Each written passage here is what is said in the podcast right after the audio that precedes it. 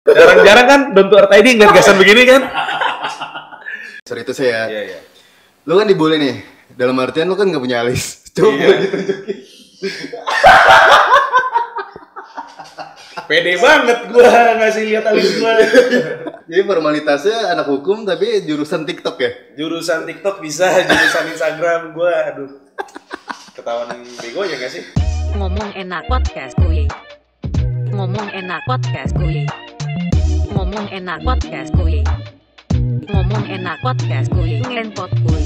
Ngelenpot kuy. Ngelenpot kuy. Ngelenpot kuy.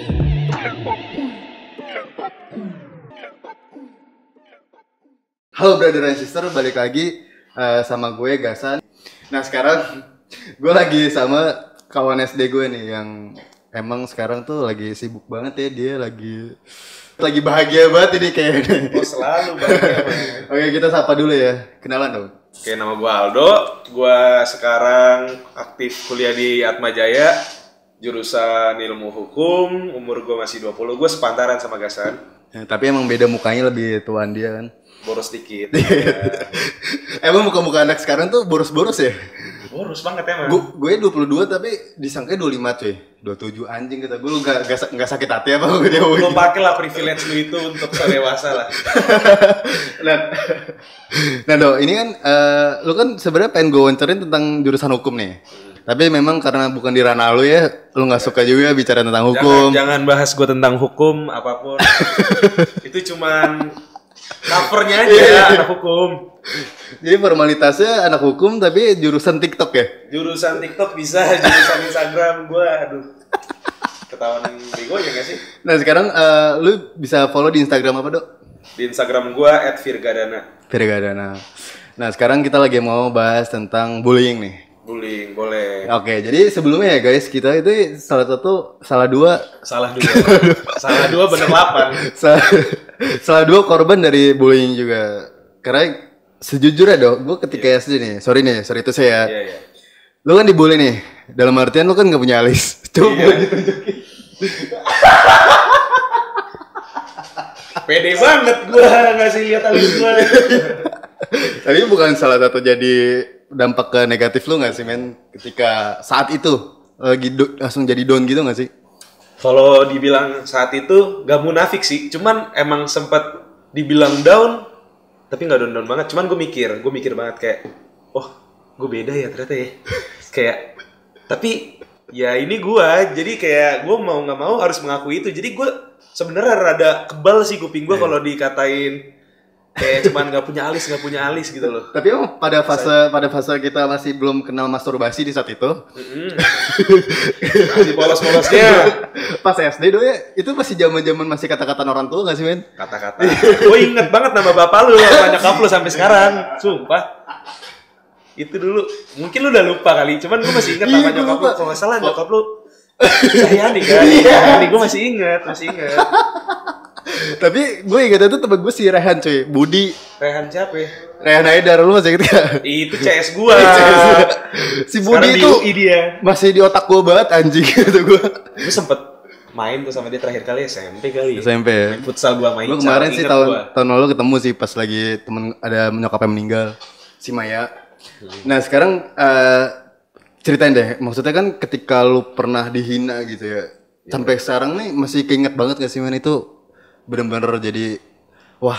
Gimana ya kalau menurut gue sendiri menurut gue nih ya itu nggak nggak semembekas itu sih karena itu berlanjut guys. Itu gue di, dibilang kayak gitu nggak SD doang. SD SMP SMA Oh gitu ya? ada beberapa temen gue yang kayak manggil abot abot alis botak atau enggak anjir. atau enggak kayak ya gitulah banyak. Albo albo aldo botak gitu. Udah banyak alis botak. Terus jadi kayak biasa aja anjir kayak ya udah aja gitu. Iya. Jadi bukan suatu hal yang ini ya sih. nggak nggak big deal lah Tapi kalau misalnya menurut lu emang wajar nggak sih kayak anak-anak muda tapi asal yang deket ya? Sebenarnya kalau menurut gua bullying gak bisa diwajar-wajarin sama sekali. Oke, mantap itu nih. tergantung sama orang yang dibully. Maksudnya kayak lu nggak bisa men kayak ya mungkin lu ngatain gua, gua biasa aja. Kan cuman orang lain gak semuanya kayak gitu. Kayak contohnya kayak apa ya? Ada anjir orang yang kayak Hmm. Nggak dibully aja merasa terbully tuh ada, sumpah ada anjir. Jadi Iya kayak itu pinter-pinter kita aja lah. Nah kalau misalnya pengalaman gua dok, sebenarnya gua nggak tahu ya, gua sebenarnya nggak pernah dibully tapi emang nggak punya teman kali ketika gua SMA. Soalnya lu tau gak sih men anak Al Azhar habis lulus itu kepala tuh nganggak gini ya nggak sih men? Kayak tapi gue gitu nggak tapi sih? gue penasaran deh. Lu ngerasa lu gak ada temen itu zaman lu apa SD, SMA. SMP, SMA. SMA itu di pesantren, bahkan hampir setiap Itu SMA mu- apa mungkin karena lu pindah ke pesantren gitu, guys? Mungkin kayak susah beradaptasi kali ya. Karena kan emang dari ya kita mungkin dari kota ininya di daerah Beda, Sukabumi beda, pergaulannya beda. dan ya tapi gini dong setiap gua di sekolah SMA gua kan ada empat nih itu hampir kayak Doyan SMA lu ya, gue liat-liat apa mau ngoleksi ijazah gitu yang banyak. tapi kan emang gini dong maksud gua gua emang nggak punya teman tapi Iya. pasti punya sahabat cuy satu dua itu kayak gua entah kenapa deh ada temen ada sahabat gue ini ngedeketin gua. Dan itu gua berpikir kayak enak aja men. Gua nggak punya temen tapi di saat gue lagi susah tuh ada sahabat. Kadang kan lu ketika lu ada teman ketika lu ada susah nggak ada kan? Banyak kan yang kayak gitu kan? Yang penting emang kualitas teman tersebut Iya. ya, bukan kuantitinya artinya. Ya pasti menurut gue sih kayak memfilter sih. Nggak semua temen tuh se- satu frekuensi tapi sahabat-sahabat gue tuh bener-bener kayak satu pemikiran sama gue men. Kayak ngedukung juga. Nah ini sebenarnya gue lagi mau bahas eh, konsentrasi ke bullying gue mau bacain. Iya. sepanjang 2019 153 anak jadi korban korban fisik dan bullying. Itu yang ketahuan kali. yang ketahuan men. Kata gue ini bisa ribuan. bisa gue semalam aja ya non, apa dengar dari Prambors itu sampai tiga puluh ribu dok. Bullying dok. Ini menurut lu tuh bakal habis gak sih masa-masa bullying ini? Apa, apa bakal terus sih? Bullying menurut gua susah juga sih ya kalau untuk sampai habis tuntas. Mungkin bisa Hmm. ada saatnya. Cuman nggak nggak dalam waktu dekat. Karena apa ya? Ini bullying tuh bukan baru belakangan ini doang. Iya. itu udah dari lama. Mungkin dari zaman emak bapak kita dari zaman dia juga udah ada bullying. Cuman happeningnya ini karena sekarang sosial media Iya, banyak bener. penyebarannya cepat jadi kayak lu dibully di sini aja orang bisa tahu gitu loh Iya, sih? Ya kalau zaman kayak kita dulu zaman SD mana ada yang tahu kayak wah ini ada anak SD Alisa botak dibully jadi begini begini begini kagak ada anjir. gue tuh Ini seiring perkembangan zaman kasus bullying juga jadi lebih kelihatan gitu. Tapi, Tapi- ba- bagus sih buat jadi awareness juga ya. Jadi kayak makin peduli orang-orang jadi Iya, gue inget banget cuy cerita-cerita waktu SMP jadi ada temen gue cuy temen gue dok dia tuh bibirnya monyong cuy anjing. sumpah itu monyong Eh sorry, hmm, Eh, kan. Masak tangan nih, maaf nih, maaf nih, maaf. Mohon maaf. Monyongnya itu tuh sampai diukur pakai penggaris, Dok. Hmm. Temen gue yang ngebulinya. Anjing itu sampai dikatain bebek lah, donal bebek, monyong. Bibirnya tuh tebel apa panjang maksud lo? Maju banget cuy, tebel udah gede. Congor lah istilahnya bahasa Jawa ya. ya. Congornya ber-ber wah. Pasti kita bimoli itu. Iya, iya bener cuy. Bimoli itu. Tapi kan kayak kasihan cuy dari situ dia udah nggak punya teman lagi. Padahal dari sekali ngatain terus temen-temennya nyebar dua kali tiga kali. Itu kayak menurut gue sampai sekarang punya traumatis men. Sampai sekarang kayak menurut gue dia hampir kayak punya temen. Paling satu dua. Cuman perkara fisiknya Secara fisik cuy. yang dia pun nggak bisa request gimana Iya. dia mau lahir kayak gimana. Sebenarnya itu kan sebenarnya gift ya, pemberian dari Tuhan ya. Iya gak sih? Iya, nggak bisa dikritik juga anjir kayak masa lu mau kayak ah Tuhan kok bikinnya begini nggak bisa juga ya Dan lu gak bisa nge-request juga, gue pengen ganteng kalau Iya, nggak bisa. lu kayak gitu pak. iya Tapi pasti kan ada kayak plus minus ya cuy. pasti Nah kalau misalnya menurut lu eh, anak-anak remaja ini udah batas keterlaluannya gimana sih cuy kalau ngeliat-ngeliatnya? batas keterlaluan menurut gua aduh susah ini susah juga sih karena menurut gua bully tuh batasnya tuh rancu karena Iya. beda kayak menurut lu kayak gua ngatain lu gini deh guys misalkan Hmm. deh ya misalkan lu orang yang gue bully gasan goblok nah Iya. misalkan kayak gitu terus lu sedih nih karena lu ngerasa lu sebenarnya nggak goblok gitu kayak Hmm. ya cuman ada beberapa orang yang kayak misalkan nih lu ng- ng- ngambilnya sedih nih. Iya. cuman ada yang misalkan gua katain goblok terus biasa aja. Kayak Iya. ya udah aja. Jadi kayak yang satu nganggapnya terbully yang satu nggak terbully. Padahal kayak misalkan perlakuan gue sama ke semua yang gue Iya. katain semua orang goblok gitu misalkan. Jadi ya kayak bully tuh nggak bisa diukur gitu. Kayak bully is bully menurut gue Jadi kalau nggak ada nggak ada takarannya nggak ada batasannya jadi emang bener-bener harus dihindari menurut gue jadi kalau misalkan kayak bilang gini nih dok, misalkan lu eh, orangnya take it easy banget ya kayak nggak peduli banget, terus gua kayak ngatain lo gitu, tapi bukan dalam artian itu nggak ngebully kan? iya. Misalkan gue katain lu tapi lu orangnya kayak nggak baperan lah. Tapi someday kayak lu bisa memposisikan ke orang yang baper gitu cuy. Gue takutnya kayak gitu. Dan ketika baper orangnya bener-bener ribut gitu gak sih Iya juga sih, ya karena kita juga nggak tahu apa yang benar-benar ada di hati orang. iya. nah kalau misalkan ini deh eh, nge- buat anak-anak muda nih dok maksudnya kayak buat stop lah bullying kayak gitu. Gue tuh yang ngeri gini ya, eh, setiap orang yang misalkan dibully, nggak semuanya bisa eh apa ya, bukan nerima, cara melampiaskannya. Ada yang kayak misalkan misalkan gue dibully sama lu gitu, gue marah gitu, gue bisa cara nyalurin gue marah kayak misalkan nyampe rumah gue teriak-teriak kayak ah apaan sih? Kok gue jadi gini? Gue dibully gini-gini? Cuman ada beberapa orang yang milih untuk diam diam lu ngeliatnya fine aja kita bully Mendem kayak ya? kita ngerasa kayak ih santai kalau dia mah dikatain kayak gini udah anjing-anjingin aja orang dia santai. Nah terus tapi sampai rumah kita nggak nggak ada yang tahu dia nyalurinnya malah kayak dia malah jadi nyakitin diri sendiri. Itu yang jadi banyak kasus suicide karena itu kan. Kayak maksudnya juga ada yang ya, bunuh diri juga. iya bunuh diri itu kan kayak maksudnya ujung-ujungnya ya ada lah yang karena bullying ada yang karena punya problem sendiri masalah apa pun. Cuman nggak sedikit loh yang maksudnya orang yang suicide karena bunuh diri.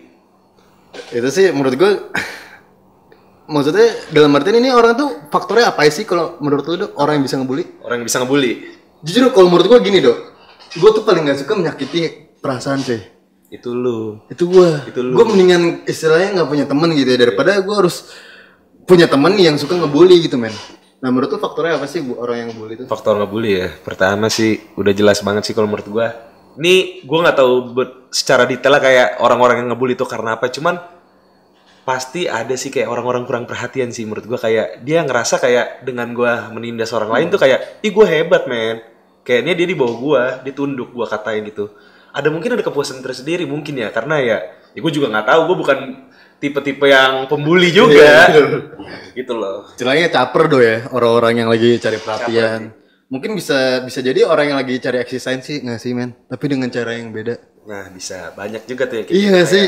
Kayak gue ngerendahin lu buat gue naik gitu. Iya, da- dan kadang orang gitu- menganggap ya dirinya tuh lebih jagoan kalau dia tuh ngebully, men. Iya. Dan itu tuh menurut gue kayak anak-anak remaja yang tolol sih. men. Orang yang istilahnya apa ya? Menjatuhkan buat doi ini naik gitu, cuy. Iya. Banyak yang gitu sih sebenarnya. Kalau misalkan faktor lain menurut tuh dari segi apa sih, Dok? Apa dari pergaulan sekarang yang cenderung udah nggak tahu arahnya ke mana, terus kayak emang nggak ada pedoman hidupnya? Gue nggak tahu sih ya. Gue soalnya gue ngeliat orang yang ngebully tuh kayak kadang kita juga mikir ya kayak apa nih tujuannya. Padahal impactnya tuh kalau kalau mereka tahu tuh yang dibully tuh kayak gimana juga harusnya sih kalau emang ada kesadaran dirinya sih pasti ogah untuk ngebully gitu ya nggak sih? Kayak kasihan sih sebenarnya orang yang dibully tuh. Apa mereka mungkin juga belum pernah ngerasain dibully atau justru sebaliknya dia ngerasa dia dulu dibully terus kayak oh sekarang gue udah punya gue udah punya power nih waktu gue bales gitu. Mungkin kayak dulunya SD-nya kena bully SMP-nya dia ngebully ada macam-macam sih kalau menurut gue gitu Nah, bicara tentang perubahan nih, Dok. Dari ke SD lo kan dibully nih. Sekarang kan lu kelihatan lebih kayak gue jujur ya kayak dari Instagram itu lebih kayak hype gitu, cuy. Yang lebih anak-anak itu rada lebay itu rada lebay sebenarnya Cuy, kalau gue di sini tuh harus memuji walaupun tidak sesuai. ini di ruangan podcast ini kita cuma berdua laki-laki Iya. kan? jangan seperti itu gue 8 bulan jomblo, Dok. Gue 8 bulan jomblo, Dok. jadi ngeri nih kan gasan nih Enggak anjing gue masih normal. Nah, kalau misalkan sekarang kan istilahnya kan eh, orang tuh udah, nggak bully lu lah. Iya gak sih, cuy? Dari teman-teman lu atau masih ya masih ya standar sih cuman kayak maksudnya kayak Anak-anak beberapa ini teman-teman dekat gue ya kalau misalkan ngeledek ngeledek itu masih ada dikit doang cuman kayak ya udah aja gue udah, sih itu udah biasa gue udah kan. nggak ngerasa itu bully juga gitu Tapi kan pasti eh, lu salah satu di antara yang nggak baperan men. Tapi kan di di samping itu banyak gak sih orang yang jadi traumatik, trauma gitu dengan dari kecil mereka dibully.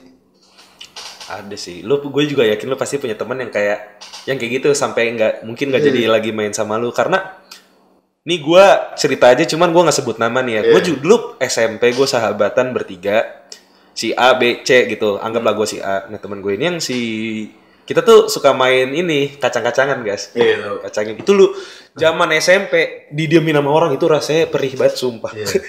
kayak anjing gue ngomong kok kagak di warung ya. gue dikacangin nah eh teman gue nih ada nih si B Iya. dia nggak pernah kena dikacangin gitu loh istilahnya Nah, itu eh, kita terus baru kayak ngeh gitu ya kayak eh sekali kacangin dia yuk. Nah, someday kita kacangin dia. Itu bener-bener dia ngambeknya, sengambek-ngambeknya. Itu bener-bener nggak main lagi sama gue, guys. Sumpah. Sampai sekarang. Sekarang udah baik kan.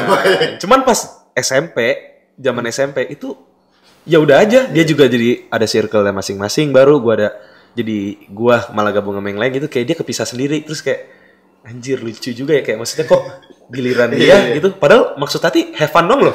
Lucu-lucuan. Tapi pasti kayak ada momennya dia lagi nggak mood gitu cuy. Sejujurnya gue juga gak nyangka sih sampai dia yang kayak eh kok main lagi sama kita gitu loh. Iya.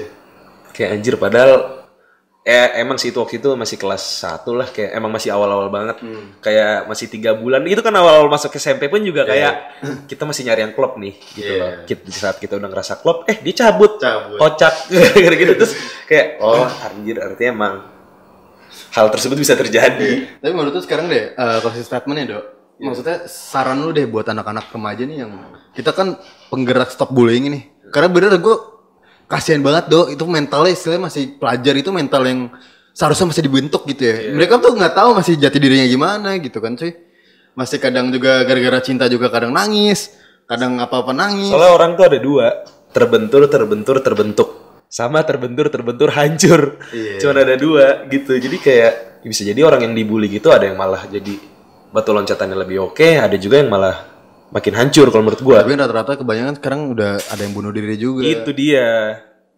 Makanya Saran lu deh buat anak-anak remaja nih buat saran gua, stop bullying. ini kalau saran gua pribadi, Hmm. di saat apa pun ya kalau fisik udah bully fisik itu udah menurut gua udah kayak Goblok itu sih. gila sih gila maksudnya kayak itu emang seharusnya lu hindarin bukan masalah bully atau apa emang fisik tuh nggak boleh ya kalau Iya. satu sama lain gitu ya kalau apalagi lu dengan alasan bercanda-bercanda doang lah gitu itu nggak main dah. Cuma kalau misalkan kayak verbal nih kadang soalnya emang apa ya dari mulut doang tuh sebenarnya bisa sakit banget sumpah men. Bisa sakit banget seriusan. Kayak jadi kalau saran gue pribadi lu sebelum lu ngomong ke orang lain lu pikirin deh itu omongan itu kalau kena ke lu gimana impactnya? Seenggaknya lu mikir itu pada diri lu sendiri. Jadi kayak lu nggak asal ngomong aja gitu. Iya. Dan gue gua gua suka banget ya kemarin cuy yang si ngobamnya si Gofar Gof- Gofar Hilman sama, siapa tuh si Rizky Febian lu nonton gak? aduh nggak nonton gue Itu si Rizky Febian tuh tipikal yang dia tuh sebelum ngomong tuh bener-bener dipikir dulu cuy. Hmm. Dan dia harus ngeliat di kondisi sekitar di kondisi sekitar tuh cari mood ke orang. Dan menurut gue kayak influencer yang kayak gini nih dia harus bergerak juga cuy. Karena karakter dia ini bagus cuy dan harus ditiru buat anak-anak muda nih. Iya. Dan yang saran lainnya sih kalau menurut gue kayak lebih lihat jangka panjang sih. Karena gini men, orang yang lu bully ketika lu SD misalkan atau di saat itu ya, lu nggak tahu ketika nanti dia bisa sukses dan lu bakal kecenderungan. Karena karena kalau kalau yang gue lihat do ya, kadang orang yang ngebully itu bisa jadi tuh nggak ada apa-apa ketika nanti cuy. Otaknya stuck aja buat ya namanya juga otak-otak kriminal, mereka nggak bisa berpikir jangka panjang cuy. Mereka stuck aja ngebully ngebully ngebully kayak gitu. Sedangkan orang yang dibully tuh orang yang berpikir buat ya mungkin ada yang pengen ngakhirin hidup tapi ada juga orang yang pengen sukses cuy. Pengen yang ngebuktiin gua bisa sukses dari orang yang ngebully gua. Yang kayak gitu men. Dan sekarang menurut gue kayak stop bullying sih 2020 ini udah masa kita teknologi semakin canggih. Lebih enak sih ngerangkul men satu sama lainnya kayak misalnya gini. betul banget itu. Kayak gini ya. Contoh. Ini relate banget sama kita berdua. Si Aldo ini dia pecinta TikTok guys. Apa nama Iya. TikToknya? TikTok gue @virgadana ini rada memalukan sih cuman ya udah cuman ya udah Dan gue dan gue tipikal yang nggak suka TikTok gitu. Tapi kita beda nih kita nggak sejalur Iya nggak sejalur sama sekali, tapi tetap aja kita saling respect man, respect. Dan itu yang menurut gua orang yang, yang ngebully itu dia nggak punya arti dari respect. Lu tau nggak arti respect apa? Apa tuh arti respect menurut lu Respect tuh menurut gua kayak lu menghargai lah satu sama lain. Udah intinya menghargai. Orang yang bisa menghargai itu orang yang bisa nerima kekurangannya, orang yang bisa menerima kelebihannya dan nggak bakal bisa menghujat satu sama lainnya men. Mantap gak tuh gua belajar dari mana anjing? Aing. Iya. gua salah main gak sih ke channel ini Oke jadi gitu aja nih brother dan sister tentang bullying Pokoknya stop banget deh di zaman kita udah canggih kayak gini Bukan zaman untuk menjatuhkan dan Gak menggoblok zaman. kalau lu semua pikir bullying itu keren nggak nggak sama sekali. Serius deh. Main-main main-main jauh lah men. Iya. Masih banyak permainan tanpa bullying ya gak sih cuy? Betul betul. Bahkan banyak banget bahan canda tawa lain-lain tanpa bullying. Jadi gitu aja nih Brand Sitter dari dari eh, anak muda yang tidak menyukai bullying. Dan buat kalian yang pernah bullying tobat Tobat, tobat sekarang juga tobat. stop bullying. Nah, jadi di konten yang namanya TikTok anak kuliah nih do. Dia kan masih kuliah Apa nih? ya walaupun hobinya main TikTok. TikTok terus diperjelas ya. Nah, do, jadi tadi kan kita udah bahas tentang eh, apa namanya tadi? Bullying ya. Kita udah bahas Bullying, tentang tadi bullying. Nah sekarang kita lagi pengen bahas tentang permasalahan juga nih yang sebenarnya lagi relate banget sama anak-anak muda yang mungkin banyak banget juga di quest apa ditanya-tanya DM gue, bang bahas tentang quarter life crisis. Ini tapi gue lebih spesifiknya ke mahasiswa ya yang benar-benar nyata di kehidupan anak-anak kuliah. Iya. Nah menurut lo yang lo alamin deh apa sih yang terjadi di dunia lo atau dunia teman-teman? Di lingkungan gua, Iya. quarter life crisis. Soalnya gimana ya, di umur kita yang sekarang udah kita udah bukan teenagers lagi kan, kita udah nggak teen lagi. nih. sekarang kita udah umur dua-dua lu dua-dua ya? Dua-dua. Ya, ya, gue juga mau dua-dua sih bentar lagi. Oke. Di umur kita yang udah 20-an ini, kita lihat teman-teman kita ada yang entah ada yang udah sukses duluan, Iya. ada yang udah udah sukses dengan pekerjaannya sendiri, entah itu dia kerja atau punya Iya. usahanya sendiri, terus ada yang hidupnya bahagia karena dia udah merit, karena dia udah ada menemukan jodohnya, pasangan yang klop banget buat dia. Dan ada juga dari mereka yang seneng karena pendidikannya Iya. bagus sana sini kayak oke gue udah lulus S1 gue lulus S2 gue achievementnya banyak gitu loh jadi kalau menurut gue quarter quarter life crisis ya Iya. itu tuh sekarang di anak muda tuh bikin kayak apa ya banyak kayak anak umuran kita tuh jadi kayak ragu, Ragu. jadi kayak minder kayak aduh Galau. Dia ngeliat dia ngeliat ya kayak yang ngeliat yang satu udah begini kayak aduh kok gue belum? Yang satu ngeliat udah begini ah gue kok belum? Jadi kayak jadi ragu pada dirinya sendiri walaupun kayak gak ada yang nuntut dia anjir buat kayak lo harus begini lo harus begini lo harus begini. Kayak ya emang belum mungkin belum jalannya aja gitu loh. Ini di umuran kita gini lagi merasakan banget sih galau-galau Jujur sih men, gue merasakan banget ya cuy, apalagi sangkatan ini kan kita sangkatan ya. Hmm. Ini tuh kayak temen-temen ada yang udah nikah ya sih men, ada yang udah nikah, yang nggak yang tahu. ada anak ada gas nggak usah nikah doang. Yang udah punya anak ada. Nikah setahun, anak Iya. dua tahun ya kan. Iya. itu anaknya di DP duluan. Gua tepin nih. Kan gua tepin punya gua pokoknya. Gitu kali. MBA, MBA ala-ala gitu kan. Terus ada juga temen gue yang udah lulus tuh banyak banget cuy, gila tuh gue ada yang lulus udah dua tahun yang lalu. Sedangkan kita, oh aduh. kita di sini ada yang masih pusing tentang aduh gua kuliah belum lulus lulus. Gua aduh gua udah nggak ada. Dan di umuran kita gini gue paling ngerasa banget nih ya dalam segi ekonomi sih. Karena di umur kita yang segini kayak gue yakin lu sendiri pasti kayak lu udah nggak minta uang orang tua lu lagi ya. Nah banyak orang juga yang jadi udah segan gitu loh minta duit ke orang tuh kayak Iya. ngapain banget sih anjir umur segini?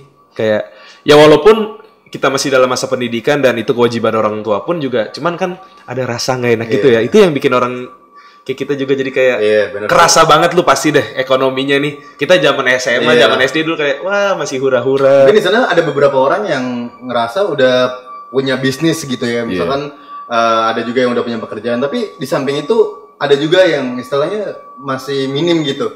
Mau posting kerjaan gimana, bahkan ada juga ya seiringnya perkembangan cuy kayak ngerasa orang lebih di atas sedangkan lu masih di bawah tuh kayak Iya. minder banget gak sih cuy? banget betul Orang tuh semakin jadi mentalnya down gitu. Terus ada juga tentang cinta, Dok. cinta Eh tapi se- sejujurnya gini ya. gimana ya, gimana ya? gue balas banget sih bahas itu tapi ya nggak apa-apa lah ya ini kan buat pembahasan anak-anak remaja karena ya gue sejujurnya juga trauma dok karena emang cinta tuh salah satu eh, apa ya biggest problemnya anak muda. emang iya. Tiga besar lah itu. Tiga besar masuk tuh pasti masalah cinta tuh sakral tuh asli. Ini btw lu udah udah punya pacar? Waduh belum. Udah berapa lama jomblo gua terakhir kali pacaran gua lupa ya kalau 2018 2018 bulan kisaran apa ya Juli mungkin atau Agustus gue lupa. Jadi kayak ini gue udah mau dua tahun Iya. Udah dan, tahun. dan gue baru 8 bulan sih Eh, artinya adalah kita tidak mem- mempermasalahkan ya gue sih cinta ya mempermasalahkan sih kalau gue gue pribadi nggak mempermasalahkan Iya. justru. Malah sejujurnya Dio, gue tuh bersyukur banget cuy, malah kayak pasangan nggak ada karena sebelumnya Mm-mm. dua semester dok. Iya, gila. Sembilan mantan gue. Nah, kalau dari situ gue gasan ini emang eh, dari SMP ya kayak ngerasa gue tuh harus punya pacar anjir. Itu baru ada emang gua. ada temen gue ada yang kayak gitu yang kayak dari SD putus ya selang sebulan dua bulan udah ada pacar lagi yang kayak lu pasti lu punya teman yang setiap Iya. setiap apa ya setiap putus tuh nggak lama pacaran kayak emang hidupnya love life banget anjir Itu gue dok. seriusan dah. Gue kadang PDKT tuh cuma ya dua hari, tiga, tiga hari. Kadang ada juga Nah, ada gua enggak, justru tuh gue enggak tuh. Gue gue kayak balikan lu deh. Gue kayak malah kalau gue ya, gue pribadi, mungkin gue kayak sebulan Harus dua deket bulan, kayak emang gue harus kenal dia. Kalau gue nggak bisa dok buat basa-basi dok. Gak. Maksudnya gini dok. Ini kok jadi bahas tentang cinta. Ih, curhat nih jatuhnya tapi nih. eh, pembelajaran ya buat kalian ya. Gue mungkin beda dengan tipikal orang yang harus deket dulu. Kalau gue gini dok. Gue tuh nggak suka basa-basi. Artinya adalah gue eh, kalau lu mau sama gue oke karena j- bisa jadi ketika lu PDKT sama lu pacaran beda men. Dan Iya gue nggak mau yang nerapin yang kayak gitu. Maksudnya kita eh, berjuang bareng tapi mungkin itu bisa jadi negatif dok karena Hmm. gue belum deket sama dia. Ya artinya lu berani gambling. Berani gambling dan Kalau gue enggak. dan semua gambling gue gagal anjing. Jadi ya mungkin lu harus ubah metode dulu Iya. kali. Dan dari situ pembelajaran gue kayak 8 bulan nih gue benar-benar bahagia tapi banget sih. tapi nggak jamin juga sih yang nggak gambling kayak Iya. gue yang justru udah kenal ternyata ya gue nggak bener-bener kenal karena berakhir Iya, ujung-ujungnya. iya kan? gitu loh Karena Jadi cinta nggak bisa ditebak men. nggak bisa ditebak Cinta tuh bisa dirasakan, asik bisa diraba, bisa diraba. jarang-jarang kan don't to earth ID nggak gasan begini kan Masa rusak konten gue anjing gara-gara ya Nah. gitu lah laki emang paling lemah sama cinta nih gue kasih tahu nih lemah banget sumpah Bucin, bucin, bucin. kejadian bucin menurut gue paling banyak di laki Iya dia oke. Karena memang cinta itu membutakan laki segala kalau aspek. laki kalau udah kena betina ya Buset. bener asli Eh, kucing asli. betina bapak. ya gitulah maksudnya Iya. wanita Nah, kalau misalkan eh, teman-teman kan pasti kayak ngerasa ya, men, kayak gue jomblo, gue kayak dalam kondisi yang gue harus punya pacar. Terus gue jomblo kayak bahkan kayak menganggap jomblo tuh kayak nggak punya harga diri, men. Iya gak sih? Gue beberapa kali ngeliat kayak jomblo tuh terlalu diremehkan. Padahal menurut gue enggak sampai ada anjir. istilah jomblo ya aslinya kan dulu nggak ada jomblo Nggak kan? ada. dulu ya Kenapa harus muncul kata-kata jomblo? jomblo ini jomblo konotasinya negatif asal lu tahu Iya. kayak ya jomblo Iya jomblo. kayak kita nggak bakal punya pacar gitu ya Lebih bagus single sih. Iya, single. Kenapa harus ada kata-kata jomblo gitu kan? Itu buat teman-teman sih kayak ngerasa yang mungkin eh, jomblo itu benar-benar tidak punya harga diri, komentar deh. Pasti punya kayak gitu men. Bahkan diremehin gak sih? Dan yang gue nyeselin juga kayak gini dong ketika gue lagi ketemu orang, mereka tuh bawa pacarnya. Kadang ngerasa dan juga sih sekali dua kali sih. tapi gue penasaran sih gak sama lu kayak tadi lu cerita kayak lu sebelum sebelumnya Iya. selama dua semester bisa pacaran 9 kali Sembilan mantan gua. sembilan nih sembilan Sembilan. nih sembilan nih yang ny- jari gue aja nyaris penuh lihat nih nyaris penuh Dan, dan gini ya guys, kayak di kampus gue ya, itu nama gue udah jelek banget. Dan gue makanya gue ya udah nyari pacar tuh di luar. Udah hancur. Maksud gue gini, lu punya 9 mantan dan sekarang lu udah kosong 8 bulan. Kosong. Itu karena apa dah? Kayak maksudnya kayak itu berubah banget justru dari Hmm. lu yang sebelumnya putus nyambung putus nyambung ganti pacar gitu kayak apa yang bikin lu ada jeda gini Oke. gitu. Entah lu maksudnya kayak trauma sama wanita atau Iya. justru lu kayak oke gue istirahat dulu gitu Iya. karena tahu sebelum sebelumnya pahit. Kalau menurut lu lu gimana? Kalau gue sih ngerat gini dong, karena kan gue sebelumnya belum pernah ya kayak sebenarnya rekor gue ini tertinggi banget. Sebelum gue cuman putus paling dua minggu itu paling mentok pasti dapat lagi. Nggak mungkin nggak dapat. Dua minggu itu gue selalu inget tuh. Dan kayak gue ngerasa sini gue enjoy dengan kejombloan gue ya. Anjing jadi bahas tentang jomblo anjir. Lawan kan sad boy juga nih ternyata nih. gue gue gue bahagia ya karena gue bisa ngejalanin gitu dong maksudnya gue punya mimpi karena sekarang di masa sekarang gue nggak bisa bukan gue menilai ya tapi dengan pengalaman pengalaman gue susah cari cewek yang satu pemikiran kadang cari Susah, partner susah. juga satu pemikiran Ya, dan gue dia. dan gue ngerasa suatu saat gue pasti dapet yang istilahnya sesuai de- dengan karena kan jodoh kan cerminan ya nggak sih Cerminan. cerminan kan Cuman dan mungkin belum dapet aja Cuman nggak mungkin 100% cerminan Benar. juga sih. Pasti ada kurang-kurangnya Iya. dan itu dia lu nanti saling isi Iya pasti. makanya makanya kan di sini kita lagi belajar tentang cinta nih. Eh guys ini kita lagi bahas tentang quarter life crisis. iya, ya. John, itu permasalahan cinta juga Oh, iya, masuk bener loh. sih. Ya jadi kalau gue saranin juga sih kayak buat anak-anak sosok saran nih. Lu nggak tahu gue lagi ngalihin. Iya. Gimana nih lu? ya kalau gue kalau oke deh gue bahas sih tentang jomblo ya. itu gue bisa berubah drastis dok. Karena gue menemukan kehidupan baru dok. Yang tadinya gue harus banget punya cewek jarak berapa kilo juga gue bener-bener hantem banget dok. Gue makan harus bareng sama cewek. Gue nggak nggak sampai sampai nggak ngerasain gue nafsu makan kalau gue makan sendiri. Lebay nggak sih men? Lebay tapi lu Lebay, kan? ngerasain. gue ngerasain itu yang gue rasain. Itu gue dan kan gue dua minggu seminggu aja nih gue jomblo itu kayak mati cuy Coba coba gue penasaran nih cerita terbucin lu yang menurut lu paling parah kayak anjing gue sebucin ini men. Itu apa tuh maksudnya kayak yang paling parah menurut lu? Kalau bucin sih, gue selalu masalah materi sih. Maksudnya, ya kadang gue sebulan 6 juta, du- 12 juta, 10 juta. Mungkin ya itu bucin gue sampai ya, gue nggak tahu sih maksudnya. Ya, bucin, gue nggak sampai kayak lebay Bucinnya banget sih. bucinnya UMR. Bucinnya du- tentang duit sih. Nah di situ dong gue berhenti. Eh, kenapa gue pacaran ya? Gue bukan menilai cewek itu matre, tapi Iya. mungkin di situ lagi saat gue lagi drop dan cewek gue lagi nggak mau nemenin. Dan di situ ya udah kata gue, gue harus berjuang sendiri. Gue punya mimpi, gue buat YouTube, gue buat ini kayak pembuktian lah. Dan suatu saat gue percaya kayak ada cewek yang nemenin gue nih. Tapi sampai sekarang nggak ada anjing. Harus sabar aja itu Sabar sih, sabar gitu. aja. Jadi kita bisa bisa gak sih eh, menghalukan ke topik kita? Boleh, boleh, Boleh boleh, kan? boleh. Daripada kita sih- kita daripada semuanya tahu nanti cerita tentang gasan. Karena nggak ada yang menarik sih tentang ya kalau lu pada mau tahu PC aja lah gasannya bisa lah PC mah di WhatsApp. Lu bisa bisa promosiin gue di video gue anjir. Sorry. Tapi kalau misalkan di YouTube, ah di kok di YouTube sih, kalau misalkan di anak-anak muda di permasalahan apa lagi sih men tentang keminderannya quarter life crisis? Keminderan. Kalau menurut gua kebanyakan tuh sekarang dari ini sih lifestyle. Lifestyle, tuh kerasa. Keras asli lifestyle tuh. Soalnya azan men. Jadi kita sholat dulu ya. Oke kita lanjutkan ya. Tadi eh, tentang apa lagi dok? Next ya dok? Tadi kita lagi bicara soal lifestyle. Lifestyle. Yang bikin orang jadi pada minder. Iya. Permasalahan di mana sih tentang lifestyle ini? Gini sih lifestyle tuh yang kayak bikin ketika paling kerasa tuh ketika ada Instagram muncul sih. Itu semua orang tuh jadi ada standar yang masing-masing kayak Iya. anak Jaksel begini, anak Jaktim begini, anak mungkin Bekasi begini ada stereotipnya sendiri dan orang tuh pengen kayak ah kalau gua nggak gini nggak gaul, ah gua nggak gini nggak gaul. Istilahnya kasarnya aja deh. Kayak eh gue belum pernah nongkrong di Union, ya gua nggak gaul gitu. Orang mikir ada yang gitu. Jadi orang banyak yang memaksakan hal tersebut gitu, gitu loh. Dan jadi bikin sedikit juga orang yang kayak jadi minder gitu loh kayak anjir gue nggak bisa ke sana lagi ke sana lagi itu karena stereotip yang kalau ke sini sama dengan gaul ke sini sama dengan ini orang jadi Tapi gitu sih. ngerasa gak sih men kayak ngelihat orang-orang di Instagram tuh beda karakternya. Maksudnya ketika di Instagram tuh mereka tuh pengen jadi tuh sesuatu hal yang beda dari orangnya gitu. menurut gue pribadi Instagram adalah apa ya eh, Ajang ini gitu ya. Instagram itu adalah diri lu sendiri versi terbaik. Apa pun yang di-share di Instagram kebanyakan ya mostly itu adalah versi terbaik dari diri lu. Kayak ya gue sebisa mungkin harus gue sekeren mungkin gini. Ya masa sih lu tiba-tiba di Instagram pengen foto begini? Ya ada orang yang kayak gue bodo amat di Instagram gue gini-gini gitu mau muka gue jelek gini-gini.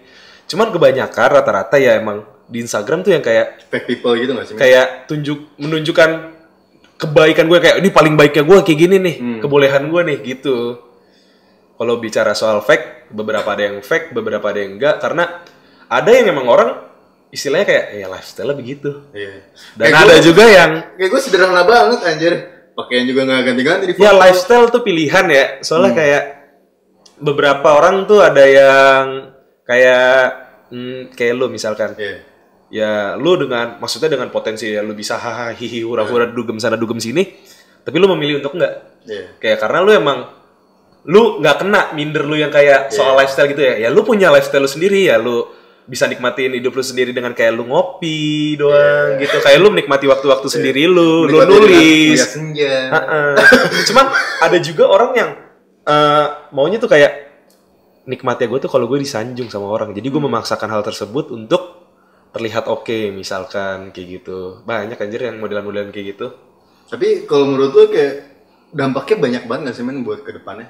Dampaknya ke depannya pasti ada kayak maksudnya dampak negatif ya kalau menurut gue justru yang kalau untuk yang memaksakan gitu yang orang-orang Iyalah. maksa itu justru jadi negatif karena kayak yang lucunya itu ketika ada orang yang bener-bener lifestyle begitu. Terus yang orang yang nggak mampu untuk ini nggak mampunya maksudnya bukan nggak mampu secara finansial doang ya. Maksudnya kayak eh, ya gue kayak nggak bisa emang nggak bisa aja ngikutin lifestyle gitu kayak maksain terus nggak bisa.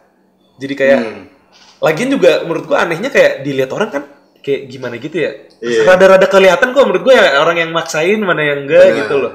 Dan menurut gue sih kayak jadi diri sendiri sih cuy. Iya, impactnya bukan bukan dari pandangan orang lain juga, karena dari dirinya sendiri kayak jadi lu tuh apa apa harus ada, lu punya kayak tuntutan lagi, lu nambahin tuntutan lifestyle lu lagi kayak anjir kalau gua pribadi ya kayak gua urusan kuliah udah pusing anjing. Ini lagi nambah-nambah nuntut kayak ah anjir gua Harus belum belum pernah hedon gitu. nongkrong di tempat ini lagi, gua lagi nggak hedon, gua lagi nggak ini, ah gua pusing gini-gini itu Stres. stres banget, nambah nambahin pikiran doang kayak gitu anjir.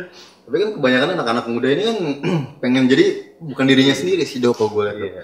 Dia tuh pengen misalkan ngeliat selebgram, wah hidupnya mewah, keren. Ya mereka Siapa sih yang gak iri gitu orang-orang itu pengen tampil untuk orang lain. Maksudnya kayak kan? Miris gak sih, Mem? Mi- yang mirisnya itu ya kayak istilah kayak lu lu dress nih, lu Iya. berbusana untuk orang lain gitu.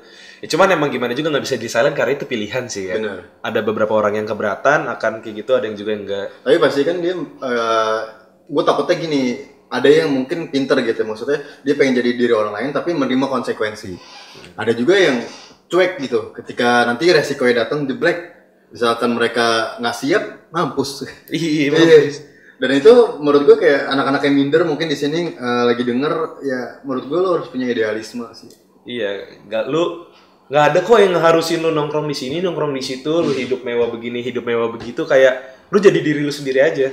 Terlihat natural itu oke Iya. kok, sumpah kalau menurut gua. Kayak Kayak- ah, kayak udah jadi diri lu sendiri aja. Dan orang pasti lebih ngerespek tuh eh, diri lo sendiri kan, natural lo segimana lo jangan. Kalau gue sih malas banget dong kayak nongkrong sama orang yang lebih-lebihkan men. Sebenarnya satu hal sih yang bisa ngerubah hidup lo, idealisme. Sama satu lagi, Apa? bersyukur. Bersyukur. Bersyukur parah. Kayak, ya kadang orang-orang kayak gitu ya kayak apa ya pengen melebih-lebihkan gitu padahal hidup itu udah dikasih enak gitu kan ketika lo udah bisa dikasih hidup yang sehat itu udah enak banget tapi orang tuh harus Nggak pernah puas, itu Nggak sifat puas. dasar manusia emang guys. Nggak bisa puas orang kayak gitu. nah jadi kalau misalnya bahas tentang quarter life crisis itu tentang tadi eh, apa ekonomi pendidikan terus tentang eh, cinta-cintaan yang Cinta. sangat panjang sekali kita bahas itu Iya. terus tentang lifestyle ada apa lagi nih apalagi ya kalau menurut gua banyak kan itu sih sama ada juga beberapa yang kayak anxiety, depresi itu lagi zaman juga tuh kayak gitu tuh mental illness lah. Iya. Dan gua apa ya kalau tentang yang kayak gitu-gitu itu emang sebenarnya udah sensitif sih. Cuman ada sih satu keresahan gue juga yang ke orang yang apa namanya yang gua gua nggak suka banget nih jujur aja nih sama orang yang self diagnose iya. Kayak anjir lu nggak ngerti banget sih kan gue mental illness gue begini Iya. misalkan ya gue depresi gini-gini dan bikin orang itu jadi punya privilege lebih kayak Iya. ya lu harus memaklumi gue orang tua gue cerai misalkan gitu Hmm. itu nggak bisa itu nggak gue maksudnya lu pernah nggak sih ada case yang kayak gitu ya maksudnya yang kayak memaklumi kondisi tersebut kayak ya lu lagi juga orang kayak yang punya masalah lu doang gitu loh maksudnya kalau pandang- pandangan gue gitu sih Sebenarnya kalau yang mental health, apa mental health ya istilahnya, itu uh, beda topik sih. Kalau misalnya Iya. kita kan quarter life crisis ya. Iya. Jadi mungkin kalau misalkan saran deh dok buat anak-anak yang mengalami depresi dari istilahnya keminderan anak-anak zaman sekarang ini apa nih? Kalau saran gua dari keminderan itu sih ini yang pertama banget sih ya. Banyak-banyak bersyukur sumpah, itu doang. Kayak yang big lu tuh bukan apa namanya? Bukan lu bahagia dulu, lu jadi bersyukur. Jadi justru Oke. bersyukur itu yang bikin lu bahagia. Iya. Lu tuh harus seneng atau bersyukur atas apa yang lu punya, bukan dengan apa yang lu nggak punya. Jadi lu kayak Iya. ah gini gini gini, jangan kebanyakan pikiran. Udah intinya gitu aja bersyukur kalau menurut gue sih. sih ya. Simple banget sih. Cuman ya hal-hal yang simple kayak gitu nggak semua orang bisa nerapin cuman ya kalau dari gua pribadi itu sih Tapi kalau misalnya menurut gue sih satu sih yang benar-benar gue terapin banget banget banget dalam hidup gue. Apa tuh? Idealisme men. idealisme Lu tau gak sih kalau menurut Ilanatan adalah ide- idealisme adalah kemewahan yang terakhir men. Sekarang lu lihat aja anak-anak muda udah nggak punya pendirian, nggak punya prinsip.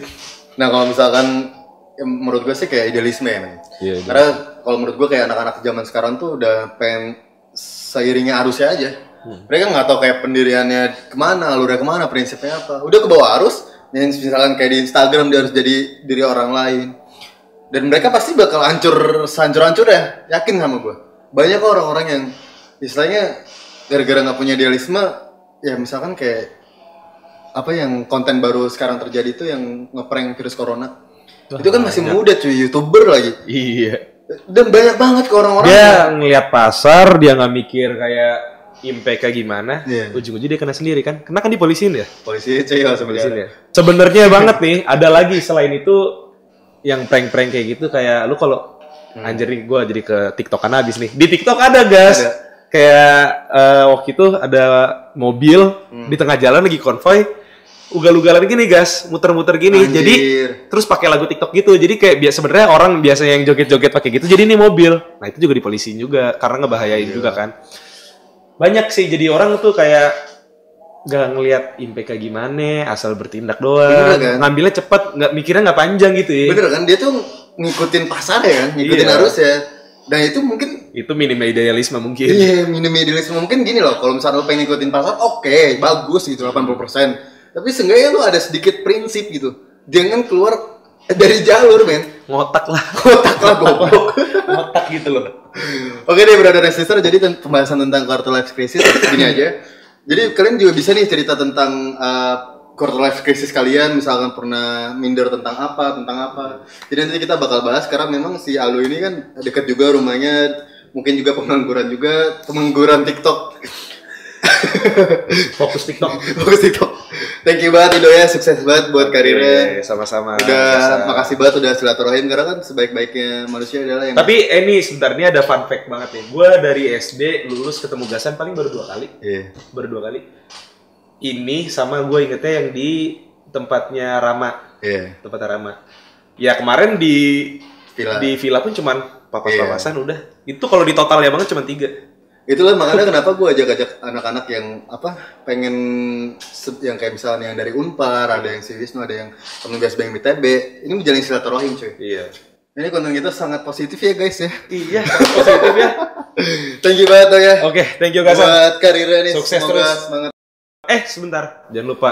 Ini podcast Oke. abang gua, Baso Tahu Podcast. Di follow, didengerin di Spotify bisa, di Apple Music bisa, di mana aja bisa. Cuman di YouTube nggak ada. Gitu.